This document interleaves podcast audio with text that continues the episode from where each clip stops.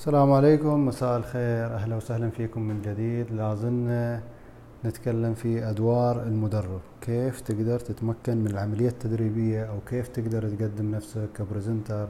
أو كيف تقدم بابليك سبيتش أو موضوع؟ أو كيف تقدر تقدم آه، دورة تدريبية من خلال تقمص أربعة أدوار. فحتى تصير مدرب ممتاز حتى تقدر تتمكن من العملية التدريبية حتى تقدر تتكلم وتعبر عن نفسك وتكسب أكبر عدد ممكن من الجمهور حتى تقدر تكسب علاقات وتسيطر على قاعة المحاضرة. تحتاج إن أنت تتعلم كيف تقدم موضوعك بأربعة أدوار. إذا ما إذا ما تعلمت كيف تتحرك خلال أربع أدوار من التدريب راح تفقد جزء من الجمهور أو جزئين أو ثلاثة في بعض الأحيان. لأن أنت في الوضع الطبيعي أنت إلك بريفرنسز أو إلك تفضيلات في استقبال المعلومة وبالتالي راح تقدم المعلومة بنفس التفضيلات اللي أنت معتاد عليها. وراح توصل إلى الجمهور اللي يشابهوك فقط. فإذا ما انتبهت راح تفقد الناس الثانيين اللي لهم تفضيلات مختلفة عن التفضيلات اللي تحب أنت استقبال المعلومة عن طريقها بالشكل الطبيعي. فاحنا هنا نبغى ننبه إلى أربع أدوار رئيسية. ويمكن بينا في المقطع السابق إن عندنا دور مسؤول عن شد الانتباه كيف يلتفت كيف يلفت انتباه المستمع ويخليه يعني منتبه لاستقبال المعلومة ومتحمس. هذا الدور نقدر نعبر عنه بدور المحفز. طبعا المسميات مو مهمة ولكن المهم إن الدور اللي أنت تلعبه. يعني قد تتغير العناوين إلى هذه الأدوار لكن أنا أبغاك تنتبه وتتذكر وتفهم إن لابد إن أنت في مرحلة من المراحل تشد انتباه المستمع. الترتيب مو مهم. الترتيب هذا بكرة أنت تتعلم كيف تعبر عن نفسك بالطريقة اللي تلائمك ولكن وهم كذلك بالترتيب اللي يناسب ولكن لابد إن أنت تنتبه زين إن في مرحلة من المراحل تحتاج تشد, تشد انتباه المستمع. الدور الثاني انت قاعد تقدم كأنك محاضر بالضبط قاعد تقدم كأنك نظريات مثلا كأنك محاضر في جامعة. إذا حضر جامعة وإذا ما حضر جامعة الشخص قاعد يقدم معلومة نظرية أو قاعد يقدم ثيوري اللي يسموه أو دراسات أكاديمية. الدور الثالث هذه المعلومة اللي قاعد تقدمها بشكل نظري. أو أحيانا تكون معلومات لها أساس علمي فأنت قاعد تقدم الأساس العلمي. طيب بعد ما تعلم هذا الشخص اللي قاعد تقدم له المعلومة هذه النظرية أو هذه المعرفة أنا كيف أحولها إلى سلوك ممكن استخدامه؟ فأنا أحول المعلومة أو أقدم المعلومة بطريقة قابلة للتطبيق.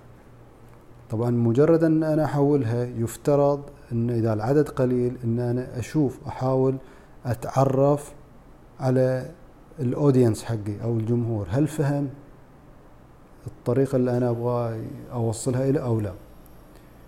فانت هنا تلعب دور كأنك مدرب كأنك كوتش يسموه أو منتر في بعض الأحيان كأنك مراقب تعطيه المعلومة. زي مثلا لو لو ضربنا على سبيل المثال أستاذ رياضيات في المدرسة قاعد يعلم أو أستاذ فيزياء يعلم الطلاب نظرية معينة بعدين يعطيهم مسائل يخليهم يحلوا حتى ياخذ فيدباك يشوف هل طريقة حلهم فهموا ولا ما فهموا. لما هم يتحركوا ويشتغلوا يقدر هذا المحاضر أو المعلم يستوعب آه، نقاط الضعف والقوة عند طلابه وبعدين يقدر يعزز لهم ويرتب لهم نقاط الضعف. هذه المحور الثالث. المحور الرابع وهذا محور مغفول عنه في العادة. مهمل بشكل كبير وهذا للأسف الشديد في اعتقادي الشخصي هو مصيبة المصائب ومشكلة المشاكل في التعليم. أنا كطالب أو كأودينس أو جمهور لما أتلقى معلومة ما أعرف تطبيقاتها ما أعرف كيف أستخدمها في حياتي العامة أو في حياتي الشخصية. فإذا المعلومة ما استخدمتها في حياتك فكيف راح تتطور أو تتقدم في حياتك؟ ما راح تقدر تحصل نتائج جديدة في حياتك والسبب إن أنت قاعد تسلك نفس السلوك وتتوقع نتائج مختلفة. صحيح أنت استقبلت معلومة جديدة ولكن في النهاية أنت في حياتك قاعد تقدم نفس السلوك.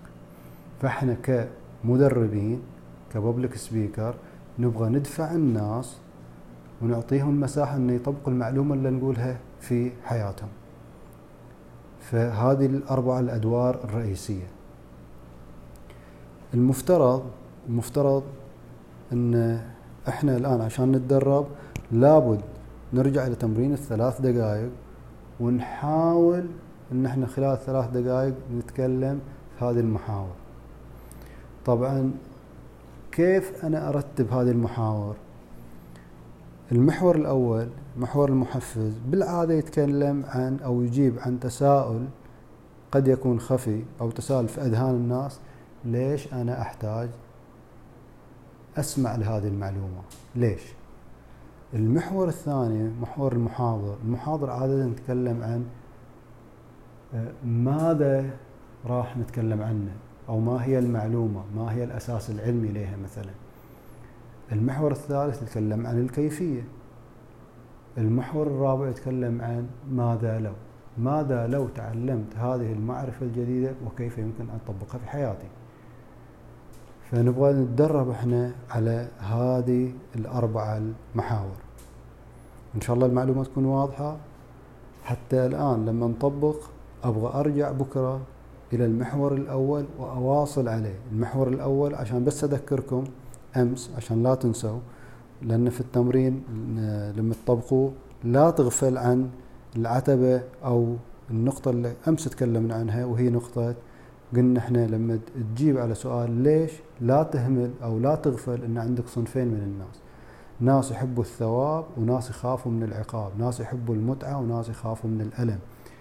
فأنت لما تبين المعلومة حاول توصل لهم وش المكاسب اللي ممكن راح يحصلوا يحصلوها لما يستمعوا لك وش الألم اللي ممكن يتخلصوا منه لما يطبقوا أو يتعلموا أو يستمعوا إليك.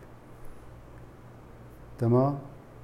فأنت وأنت تطبق أول محور حاول تجيب على السؤال بشقين. ليش المستمع يحتاج يسمع له؟ وليش وش اللي يفقده المستمع أو وش الخسارة اللي ممكن يخسرها إذا ما سمعك؟ فهذا المحور الثاني. الأول المحور الثاني تتكلم ما هي المعلومة اللي أنت تبغى تقدمها. المحور الثالث حاول تسوي تمرين اخترع تمرين. مو شرط إن أنت تبحث عن تمرين لا لا افتعل تمرين من راسك. تخيل قدامك شخص طفل صغير تبغى تعلمه أي أي معلومة وحاول تسوي له تطبيق بسيط.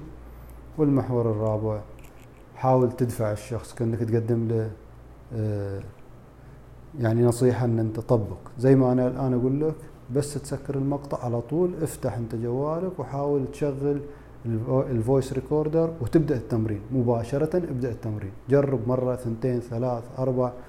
أهم شيء تجرب. إذا ما طبقت التمرين فأنت قاعد تضيع على نفسك مساحة كبيرة جدا جدا وراح تحس انه كل يوم نضيف فيه معلومة راح تشوف إن الموضوع صار صعب وبتشوف إن الموضوع كأن إحنا نتكلم نظري. ما راح تستشعر النقاط اللي إحنا بنضيفها. بكرة بضيف إضافة جدا كبيرة جدا قوية جدا حساسة ولكن أتمنى منك إنك تطبق الآن التمرين عشان أقدر أكمل. إذا سويت إضافتين على نفس المكان أو ثلاث إضافات بتشوف الموضوع إنه يصعب بدون التطبيق. فأنا اليوم كنت بتكلم عن هذا الموضوع لكن أعتقد إنه تحتاجوا شوي مساحة حتى تجربوا وتمارسوا وتطبقوا حتى شوي ترسخ عندكم الفكرة. وبكرة إن شاء الله بإذن الله نلقاكم في تمرين جديد ومساحة جديدة وتحياتي.